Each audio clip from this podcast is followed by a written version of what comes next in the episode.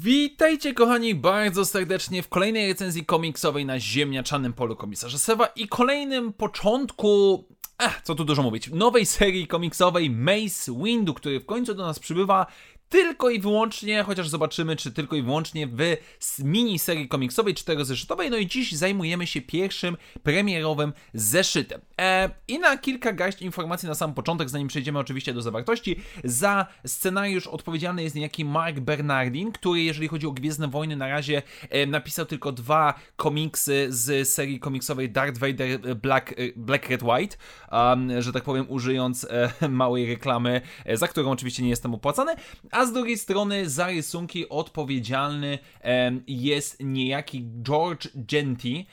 To jest człowiek, który do tej pory e, rysował w świecie Gwiezdnych Wojen rysunki do wybranych zeszytów pierwszej serii komiksowej The High Republic. E, to nie był Paulo, e, Mario Anindito, tylko właśnie ten jego zastępca, który co jakiś czas nam się pojawiał. No dobrze, moi drodzy, ale o czym jest właściwie ten komiks? Co jest niezwykle ważne, musimy pamiętać, że wstęp do niego w pewien sposób był w mini, e, nie w miniserii komiksowej, tylko w one-shocie Star Wars Revelations, który jakiś czas temu omawiałem na kanale, e, który tłumaczył nam, dlaczego Mace Windu na samym początku tego komiksu wypływa z e, Wielkiego Oceanu, z, z zamkniętej placówki, która znajduje się na dnie, znajduje lokalnego rybaka, którego prosi o pomoc, czy też można powiedzieć wręcz zmusza do pomocy, żeby gonić bandę droidów, które e, zbuntowały się przeciwko swoim właścicielom. No i Mace Windu e, udaje, im, udaje mu się go e, je powiedzmy zatrzymać na środku oceanu i rozwiązać zagadkę związaną z tym, że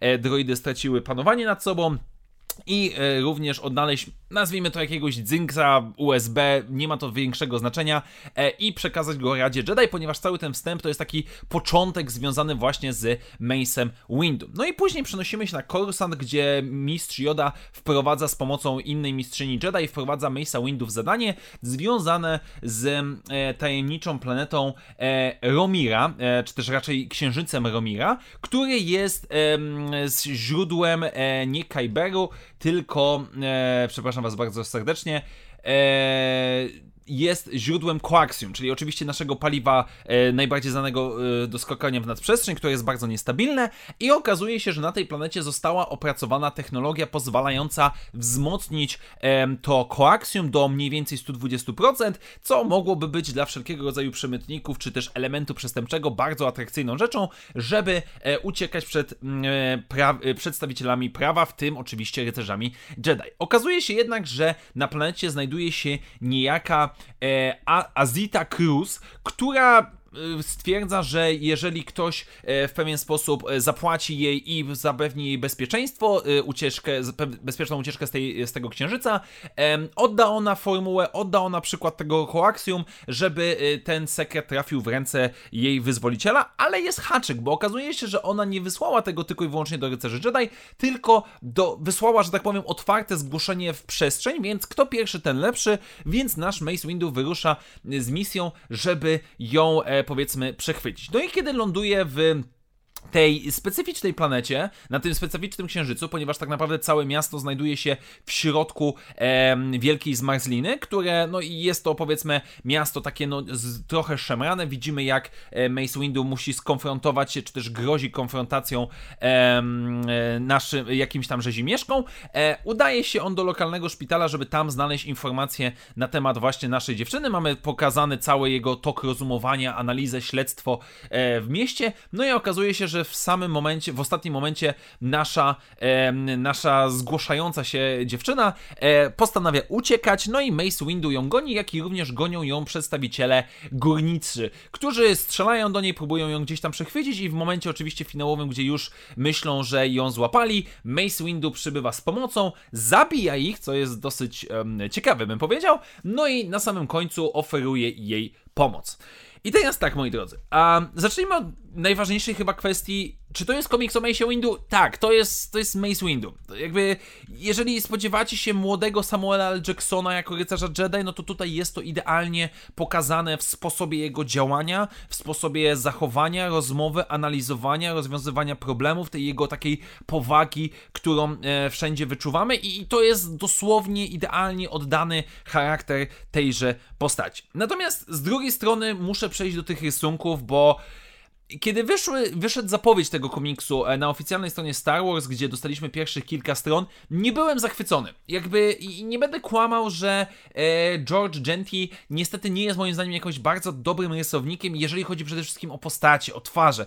Bardzo często zdarza się w tym komiksie, że Mace Windu ma bardzo, powiedziałbym wręcz azjatyckie rysy twarzy, e, co, co po prostu wygląda dziwnie w przypadku tej postaci. Natomiast jednak, kiedy mamy narysowaną całą, całą całe to miasto, powiedzmy, wydobywcze w tej zmarzlinie, em, dobór rysunków oraz kolorów, kiedy nasi bohaterowie biegną przez miasto, ścigają się i tak dalej, jest naprawdę dobry. Jakby póki nie skupiamy się na pojedynczych bohaterach, nie robimy na nich zbliżeń, to zdecydowanie moim zdaniem to działa jak najbardziej na plus i, i po prostu powiedziałbym wygląda e, naprawdę dobrze. Naprawdę dobrze i, i cieszy mnie to, jak to jest zaprezentowane. Z drugiej strony, no działa w pewien sposób, w pewien sposób ten komiks. Jakby rysunkowo on nie jest zły, nie jest jakiś wybitny, ale jest, ma, ma takie swoje momenty, ma taką swoją urodę e, i specyfikę, która może przypaść do gustu. Jeżeli natomiast chodzi o samą historię, jeżeli ma, miała ona nam pokazać wyjątkowość czy inność Mace'a Windu jako powiedzmy tam taką e, bezwzględną, um, chłodną ostoję rycerzy Jedi, no to spełnia się jak najbardziej. Czy fabuła jest jakaś fenomenalna? No nie mogę tego za bardzo powiedzieć. Nie, nie, nie mogę powiedzieć, że to jest jakiś, jakiś bardzo dobry komiks, ale przyjemnie na razie patrzy się, jak rycerz Jedi rozwiązuje zagadkę, jak znaleźć swój cel, a później go goni. Co z tego wyjdzie dalej, zobaczymy w następnych trzech zeszytach, ponieważ ta miniseria będzie składała się z czterech łącznie. Na razie jest ok, bez szału, ale ok. Tak więc dziękuję Wam bardzo serdecznie, moi drodzy, za dzisiejsze spotkanie. Mam nadzieję, że chociaż trochę Wam się podobało. Jeżeli tak, to zachęcam Was bardzo serdecznie do postawienia mi kawy wirtualnej, na której link znajdziecie, możecie, możecie znaleźć w opisie tego materiału. Tak więc dziękuję Wam bardzo serdecznie, do usłyszenia w następnych materiałach i jak zawsze, niech moc będzie z Wami. Na razie, cześć!